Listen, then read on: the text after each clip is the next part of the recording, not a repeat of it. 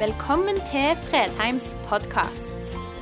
For mer informasjon og ressurser, besøk oss på fredheimarena.no, eller finn oss på Facebook.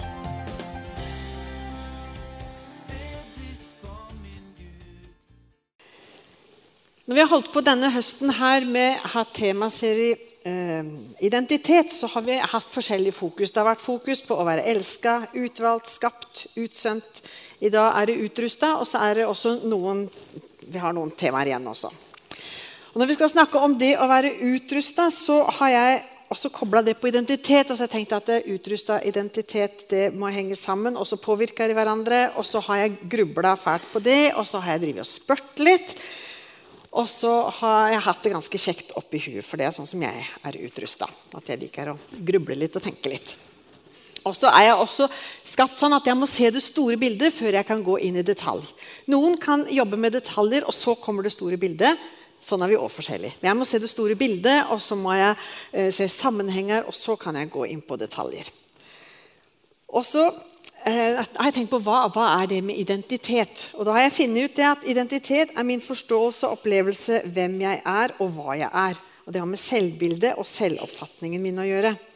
Og så er det veldig mye som eh, påvirker identiteten. Og Da tenkte jeg at da blir jo identiteten vår nesten som en diamant med mange fine fasetter. Som, som kan, vi kan pusse fint, sånn at den kan skinne.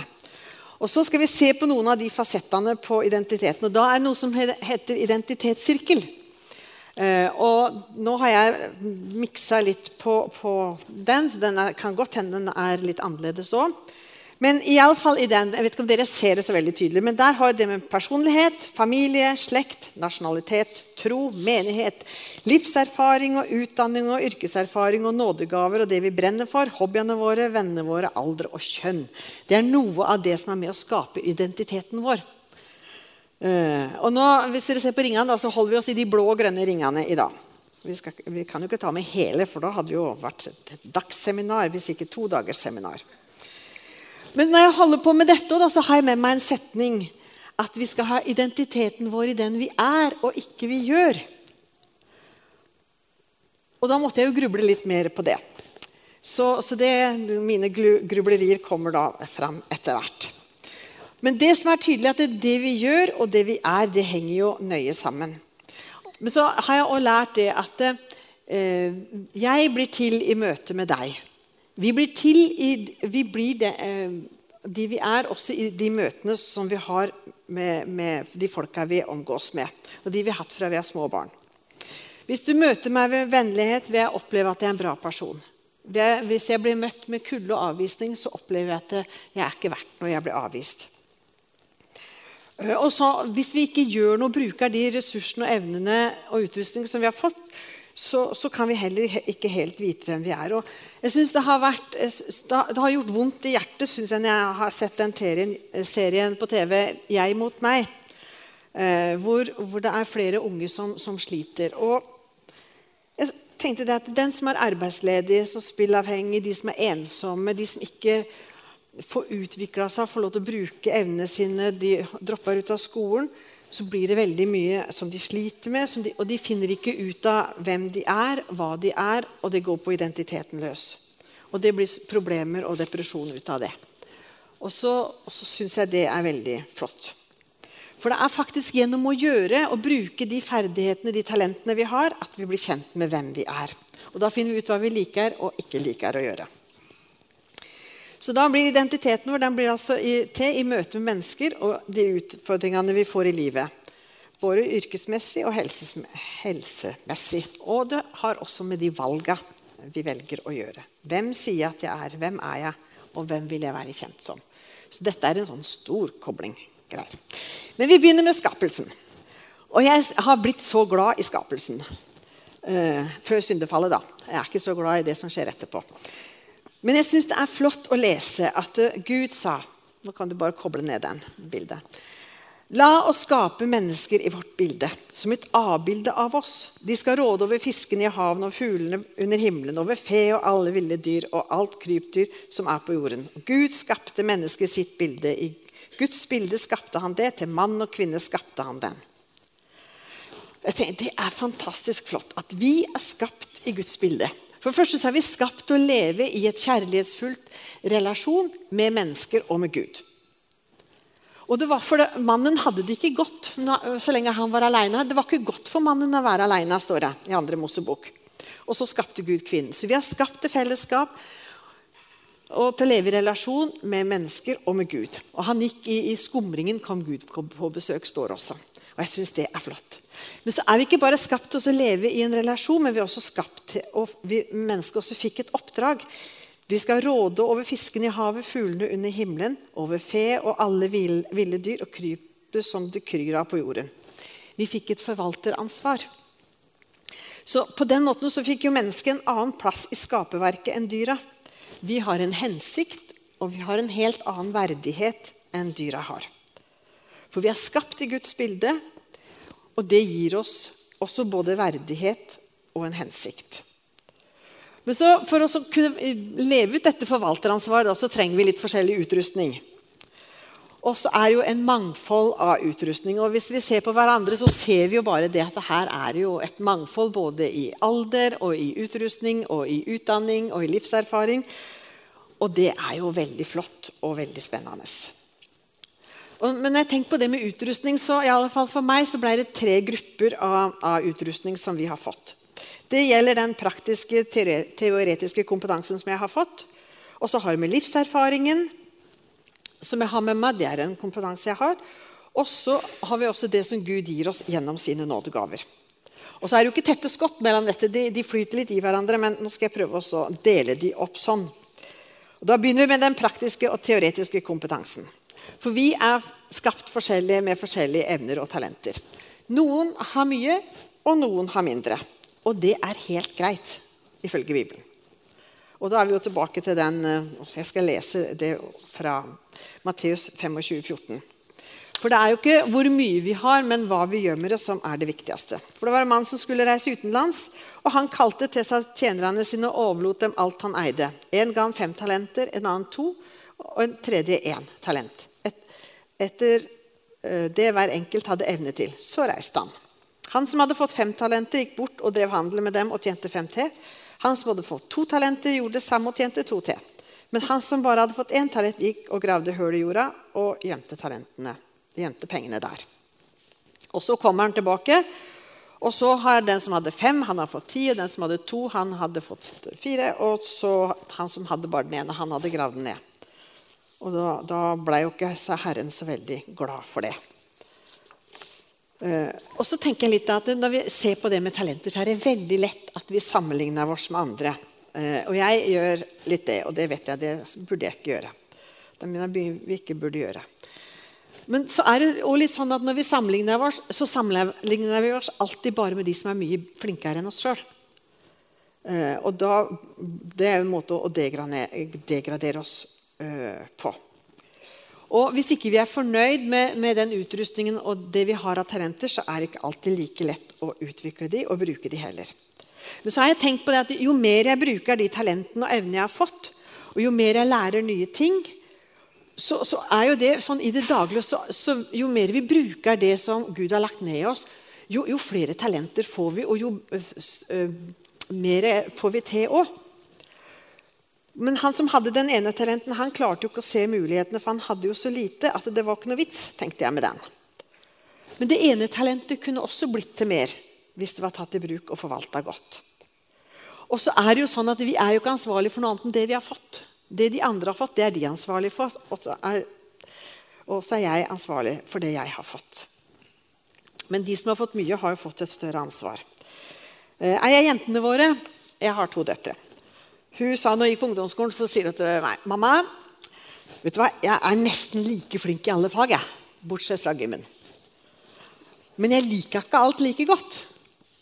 Og så fikk vi en god prat om det med å vite at ja Og hun er en ressurssterk jente med masse ressurser som hun har fått å forvalte. Og så sier jeg, men Det er ikke noe du trenger å, å brese eller liksom hovere over, for det er en gave du har fått, som du skal forvalte. Og jeg det er, å, tenke på det at det er noe vi har fått i hendene som vi skal forvalte og bruke. Og så, av og til så trenger vi hverandre til å hjelpe hverandre både til å se muligheter og gi konstruktive tilbakemeldinger, sånn at de talentene vi har og evnene vi har, som Gud har skapt oss med, at vi kan få lov til å eh, bruke de og utøve de og gi de rom.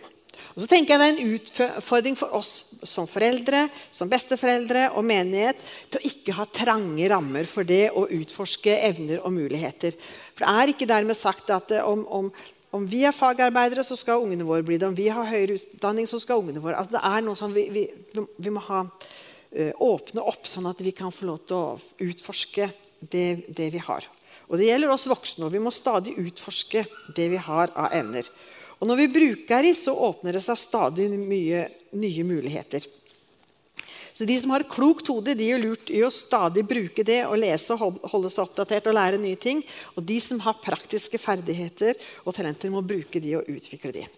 Og da tenkte jeg på sånn, I min familie, eh, vi på spinnesiden, vi jentene i min familie, det er veldig viktig å kunne håndarbeid. Jeg kommer fra en håndarbeidsfamilie. Mora mi, hun, når hun var på besøk når ungene var små, så gikk hun med strikketøy i hagen og strikka. Hun var veldig ivrig. Jeg er ikke fullt så ivrig som henne. Men, men, for meg så passa det godt, for jeg liker å ha noe i hendene. Jeg liker å gjøre noe.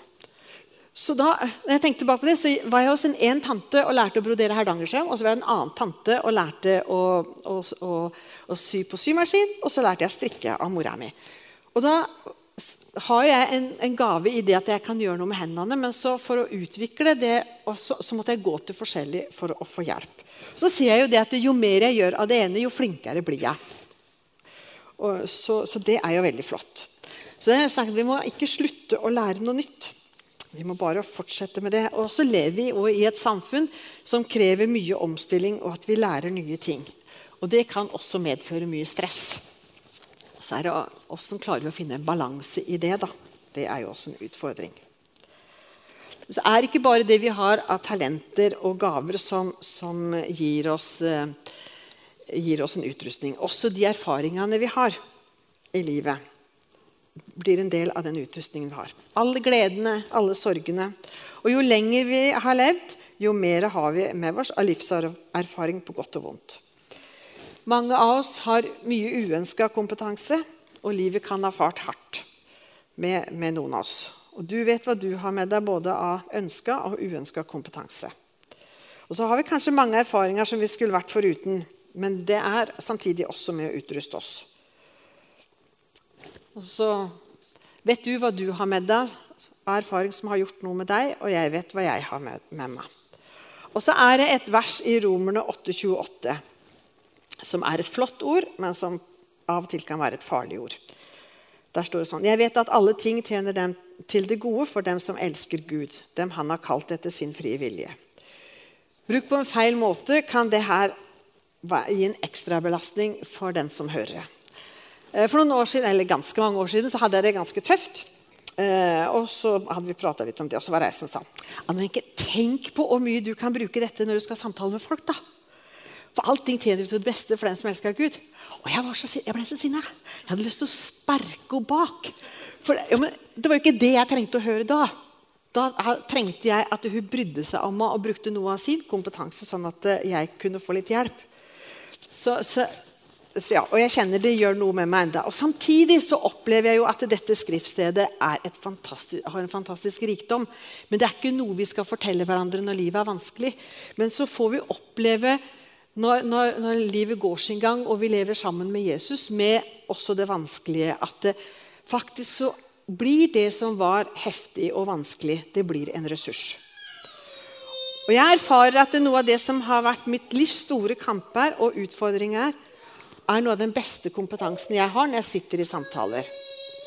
For da ser jeg og, og skjønner jeg en del ting som jeg ikke ville ha gjort hvis ikke jeg hadde vært i ikke samme situasjon, men, men i noe lignende.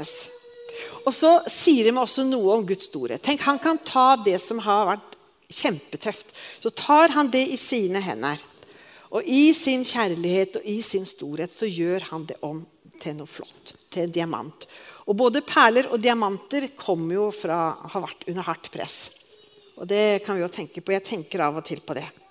Da, og Derfor er det så viktig at vi hegner om hverandre, og at vi lever sammen med, med hverandre og med, med Jesus, når, også når vi har det tøft og vanskelig, sånn at eh, han kan få lov til å være med og, og, og gjøre det som er tøft og vanskelig, til, til noe godt for oss.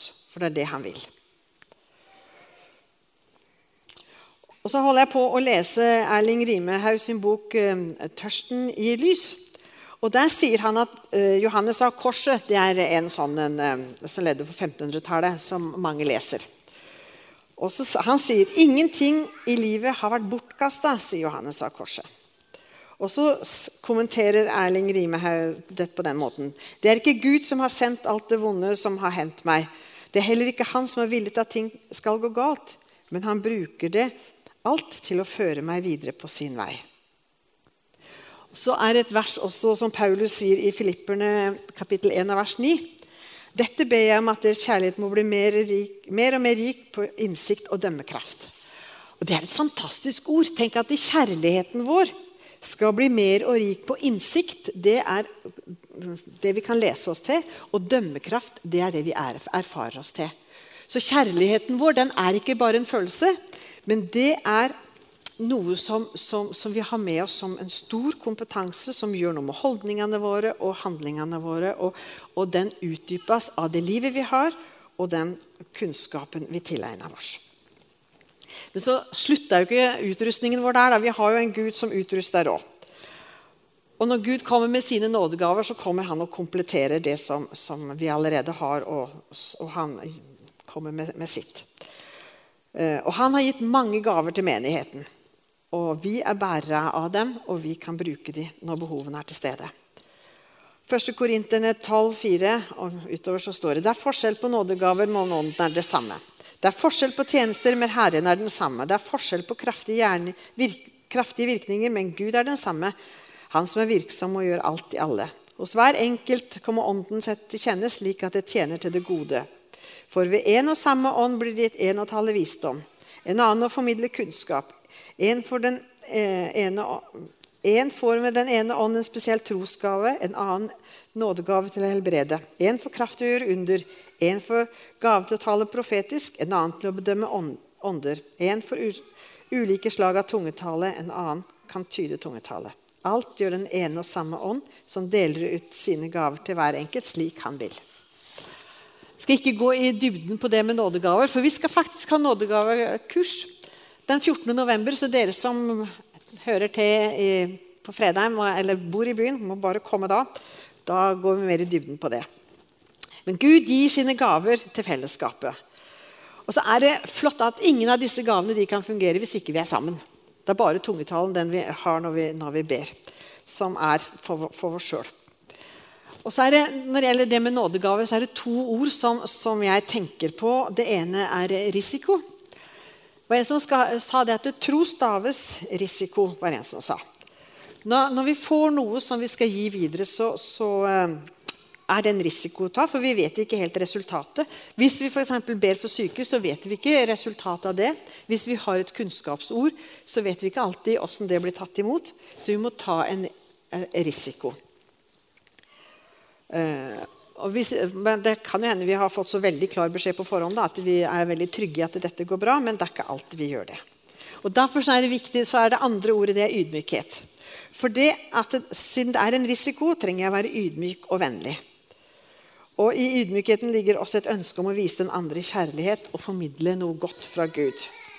Eh, Forbedergruppa vår eh, vi hadde besøk her i høst av en som heter Torbjørn Sandnes. og Han underviste om det å be for syke, og han gjør det masse. Og Så spurte vi han hva, hva skjer hvis folk ikke blir helbreda. Da? sier vi til han, for det, det skjer jo det også. Og Så svarte han da at det handla jo om hvordan vi møter dem. For han hadde bedt for en som ikke ble helbreda. Så spurte han etterpå åssen var det når det ikke skjedde.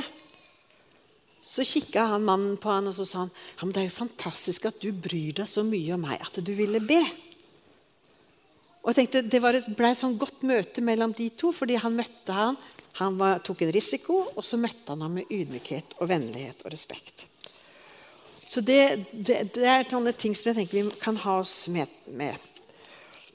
Så nå har vi snakka om både det med å ha praktisk og teoretisk kompetanse, livserfaring, og vært bitte litt innom nådegavene. Og så er det sånn at så det med utrustning og identitet da, hvordan det eh, har med hverandre å gjøre. Og når jeg holdt på med denne her talen, så er det en mann som har eh, dukka opp i tankene mine, og det er eh, Edin Løvaas. Han døde for noen år siden. Eh, dere som er litt voksne, kjenner kanskje Edin Løvaas. Han var han som starta retreatbevegelsen, så, så han eh, er vel retreatbevegelsens far. Jeg har opplevd Edin Løvaas fra jeg var ganske ung, og, og sånn i perioder oppover. Og han har betydd mye for meg. Og han eh, og, og, og, så har jeg vært i sammenhenger hvor jeg har opplevd både Edin og andre ledere. Eh, og det var noe helt spesielt med Edin.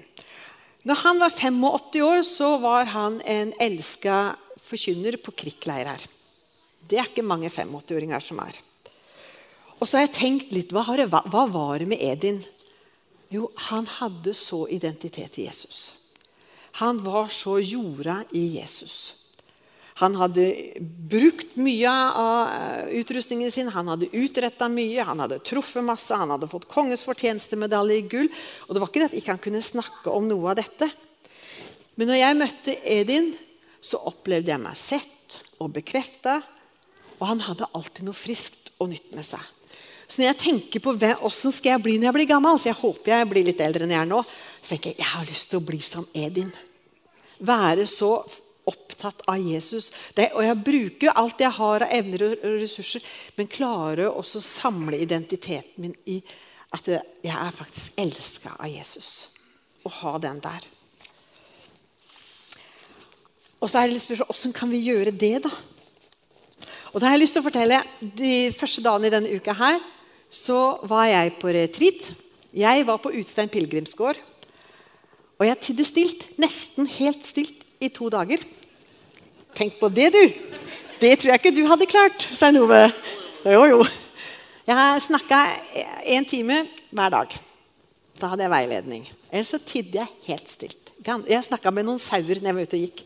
Det var litt kjekt å høre stemmen sin. Men det var så nydelig å bare være til stede. Være, jeg fikk en tekst jeg hadde, gikk og grubla på, så jeg gikk og mediterte over den. og levde meg inn i den. Så var jeg til stede, og så lot jeg tankene gå. Og så det, hadde jeg det kjempekjekt oppi hodet. Jeg trodde jeg skulle liksom være veldig stille, så jeg lærte å lytte, men jeg hadde det kjempekjekt i huet. Og jeg måtte skrive ned masse som, som skjedde oppi der. Eh, men, men, det var jo tid til det. Fordi at jeg var stille fra allting annet. Og da kunne jeg tenke noen lengre tanker enn jeg har bruker å gjøre. Eh, reflektere, undre meg eh, og bare være. Og jeg tenker det er så viktig. Så, så det å, å, finne sin egen identitet handler også om å, å bare være til stede. Og så må du finne ut av åssen det ser ut i ditt liv, i din familie, med dine venner, med deg sjøl. Det går kanskje an å ha en formiddag uten verken musikk, mobil, PC på, TV på, bare helt stille. Det må ikke liksom være flere dager. Men finne sånne gode, eh, gode eh, perioder hvor du kan være stille, eller kan være stille som par eller som venner. Bare, bare være med hverandre. Det tenker jeg er kjempeviktig. Og vi, det, det, blir vi kloke av. Det er gjort forskning på det, at det er viktig å ha det litt stille. Og så har jeg også tenkt at Midt oppi dette så er, kommer det perioder også hvor vi blir satt til side. Når jeg ikke kan gjøre noe, når jeg ikke kan yte noe. Og Jeg vet ikke hvordan dere har det med det. Men sykdom, arbeidsledighet, uførhet eller andre ting kan, kan sette oss helt ut av spill. Og en, en, er i en fase av livet hvor ikke det er muligheter til å bruke og utvikle den jeg er utrusta med. Eh, og der har jeg vært. Så dette har jeg kjent på kroppen. Eh, og det er heftig. Og da er det ikke lett å finne verken mening, mening i livet eller kjenne at en har et verdig liv. Og Samtidig så er det viktig da at vi har tyngdepunktet på rett plass. At vi har tyngdepunktet at vi er elska. For kjærligheten, den forsvinner aldri. Den blir alltid værende der. Så den kan vi ha. Så vi kan finne verdighet og mening eh, i kjærligheten fra Jesus og til Jesus også når livet er vanskelig. Men da trenger vi fellesskapet, da trenger vi hverandre, da trenger vi de andres utrustning når vi ikke kan bruke vår egen. Og det har jeg også fått erfare hvor godt det er å være sammen med andre og kjenne at de bærer og de støtter. Så nå vet ikke jeg hvor du er i ditt liv, hva du har med deg av utrustning. Om du har fått utvikle den utrustningen du har av, praktiske, av de praktiske og teoretiske evnene du har. Åssen det er med livserfaringen din, om den har blitt en del av utrustningen, eller om den fremdeles hindrer deg i å leve ut det du er, og det du har. Hvilke nådegaver har Gud gitt til deg? Har du funnet ut av det? Hvis ikke, så bare kom her den 14. november, så får du mer hjelp til å finne ut av det. Og så har jeg stilt meg sjøl våger jeg å ta risiko. Sånn at jeg kan være med og, og at andre kan få lov til å oppleve Jesus ved at jeg tar en risiko. Sånn at de andre kan få møte Jesus i livet sine. Og møte dem med ydmykhet. Du kjenner ditt liv, og jeg kjenner mitt liv. Og jeg ønsker både og ber om at både du og jeg må kunne ha en god balanse mellom det å gjøre og det å være. Sånn at du kan kjenne at det, det er flott at du er deg. Og at du er elska, og at du er verdifull. Nå skal vi høre Karoline eh, skal synge. Ingemar Olsson sin sang 'Du vet vel om at du er verdifull'. Ta så Sett deg godt tilbake og så lytt til den sangen. og la, la, Ta det til deg. Du er verdifull. Og du er viktig. For du er skapt i Guds kjærlighet. Og du er elska.